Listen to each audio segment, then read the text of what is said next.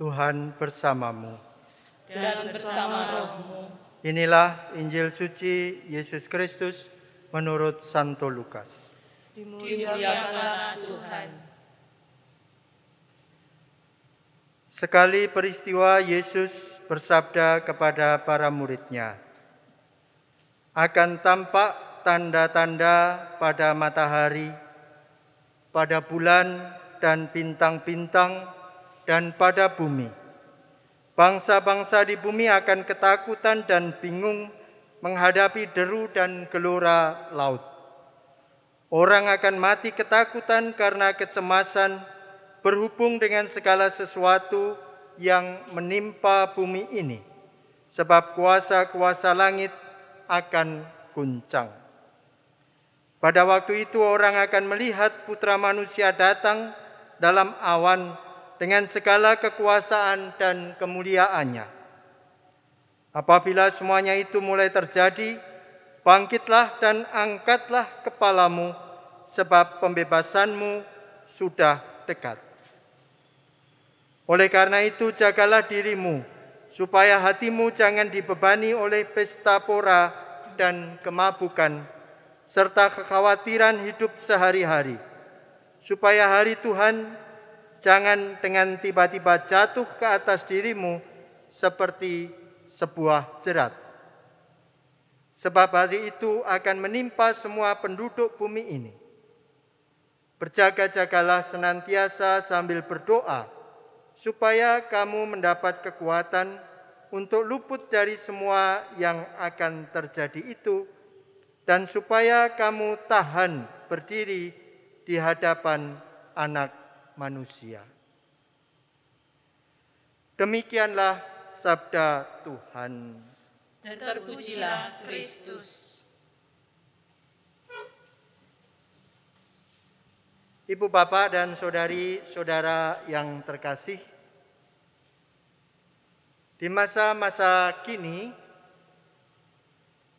saya percaya bahwa kita semua tentu akrab dengan Zoom atau sekurang-kurangnya dengan smartphone.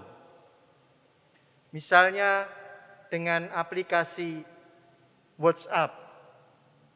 Dan semuanya itu baru akan berfungsi bila ada jaringan, bila ada koneksi. Kita selalu berharap akan adanya koneksi supaya tersambung. Sebab tanpa adanya koneksi, maka sambungan tak ada dan komunikasi pun menjadi macet. Acara-acara pertemuan, rapat, atau apa pun yang semacam itu lalu menjadi tidak berjalan dengan semestinya. Ibu bapak dan saudari-saudari yang terkasih, bagi saya Advent menjadi masa pembaruan agar koneksi dan sambungan kita tetap terjamin ada dan terus ada. Agar relasi dan komunikasi kita tetap terus terbangun, agar transfer pesan dari dan kepada Tuhan serta sesama kita tetap dan terus berjalan dengan lancar. Pertanyaannya adalah, apakah sebelum ini belum ada sambungan Apakah koneksi sebelum ini belum ada?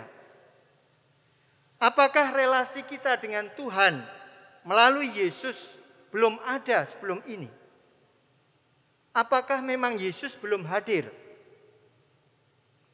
Apakah Tuhan hanya datang pada masa Advent saja dan nanti memuncak pada perayaan Natal?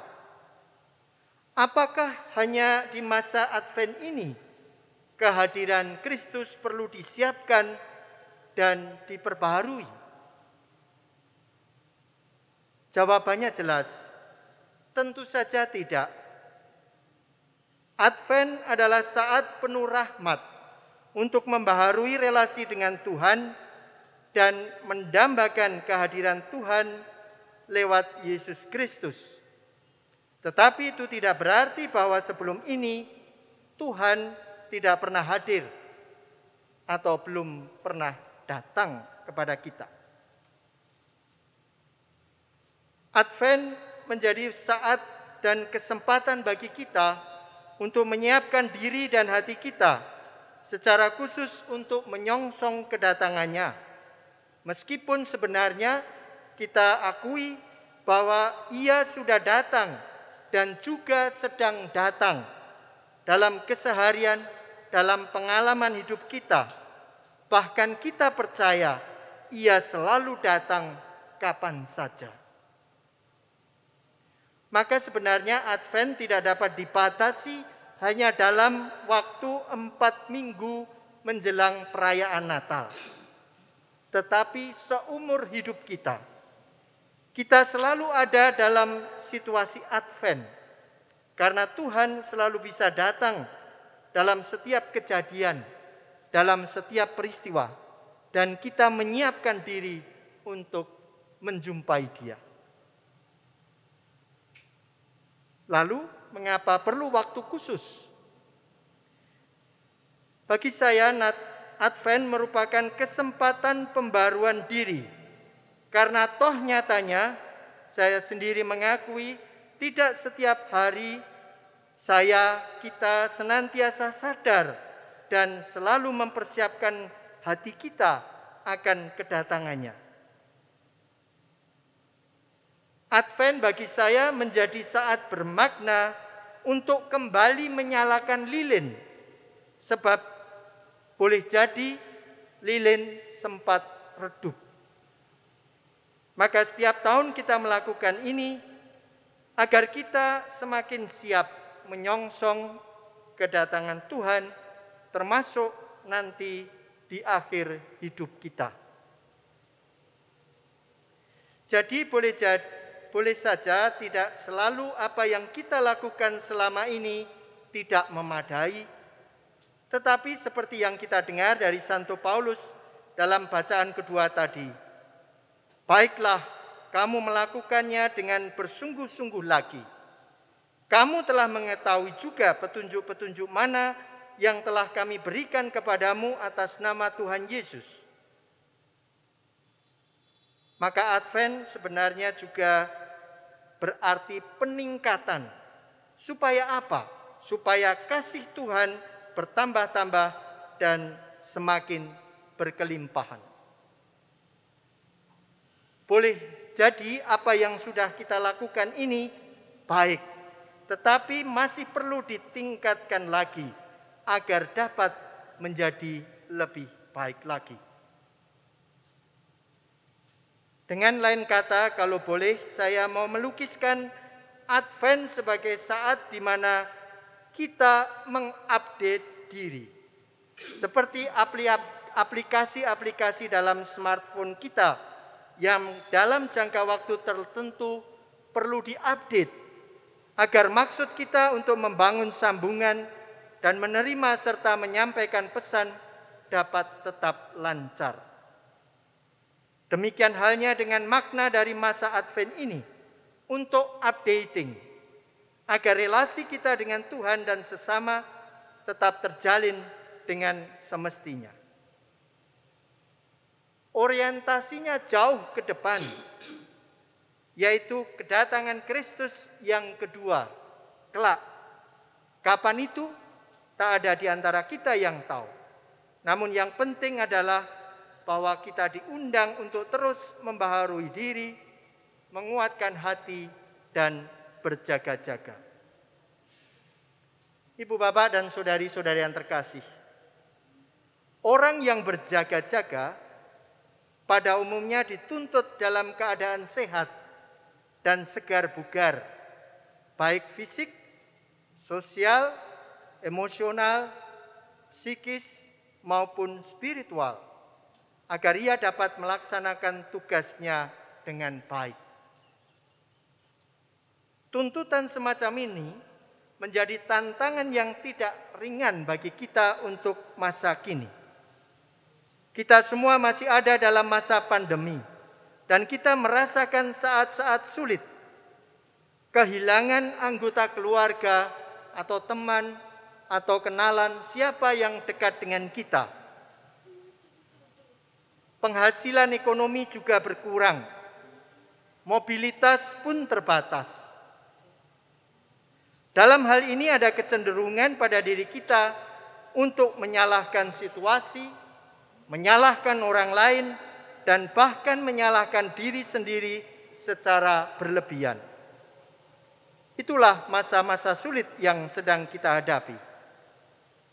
Kalau kita kaitkan dengan bacaan Injil, masa pandemi ini dapat kita lukiskan dengan keadaan di mana matahari bulan dan bintang yang memberi terang seolah tak ada lagi di angkasa raya.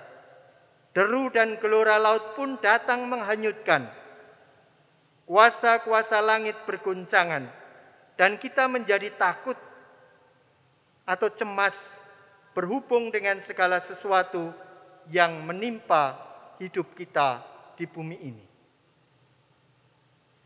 Di saat-saat sulit semacam ini, godaan yang muncul adalah sikap ekstrim fatalisme, misalnya dengan mengatakan ini semua adalah nasib, hukuman dari Tuhan. Atau ekstrim lain, di lain pihak kita mengatakan kita bersikap masa bodoh dengan anggapan bahwa semua ini adalah bagian dari politik konspirasi. Keduanya menunjukkan sikap mau menyerah kalah dan pasif tak mau berusaha. Di sini kita diundang untuk menyikapinya secara as, arif. Karena toh di saat yang tidak mudah ini kita juga dapat menimba sebuah pelajaran yang berharga. Berjaga yang diharapkan Tuhan tidak berarti menunggu dengan diam tanpa berbuat apa-apa, tetapi dengan aktif tetap mengusahakan apa yang bisa dibuat. Misalnya seperti yang kita dengar dalam Injil tadi dengan berdoa, tetapi juga dengan berbuat baik bagi siapa pun yang membutuhkan bantuan kita. Kita menghadapi saat-saat yang tidak mudah ini dengan tan dengan tantangan sekaligus dengan iman dan kita meyakini bahwa iman akan Yesus Kristus akan menjadikan kita berani menghadapi masa kini dan masa yang akan datang tidak dengan putus asa tetapi penuh harapan. Kita dengar dalam bacaan Injil tadi, tahan berdiri di hadapan anak manusia, yaitu Yesus sendiri. Dan kita memang perlu dengan penuh percaya diri bertahan karena kita berpegang pada janji Tuhan. Yang kita dengar dalam bacaan pertama tadi bahwa Tuhan tidak akan pernah ingkar janji. Bahwa Tuhan akan selalu menepati janjinya. Janji akan keselamatan, keadilan, dan pembebasan yang sejati. Ibu bapak dan saudari-saudari yang terkasih, Advent menjadi saat kita meneguhkan diri untuk tetap berpegang pada Yesus junjungan kita dan menghadapi apa yang terjadi dengan penuh harapan. Kita diundang untuk membaharui diri dan menguatkan hati dengan berjaga, yaitu menjaga dan mengatur diri agar relasi kita dengan Tuhan dan sesama senantiasa terjalin sehingga di saat kedatangan dia kelak kita merasa siap. Marilah dengan rendah hati kita mohon rahmat Tuhan agar kita senantiasa dapat berjaga. Amin.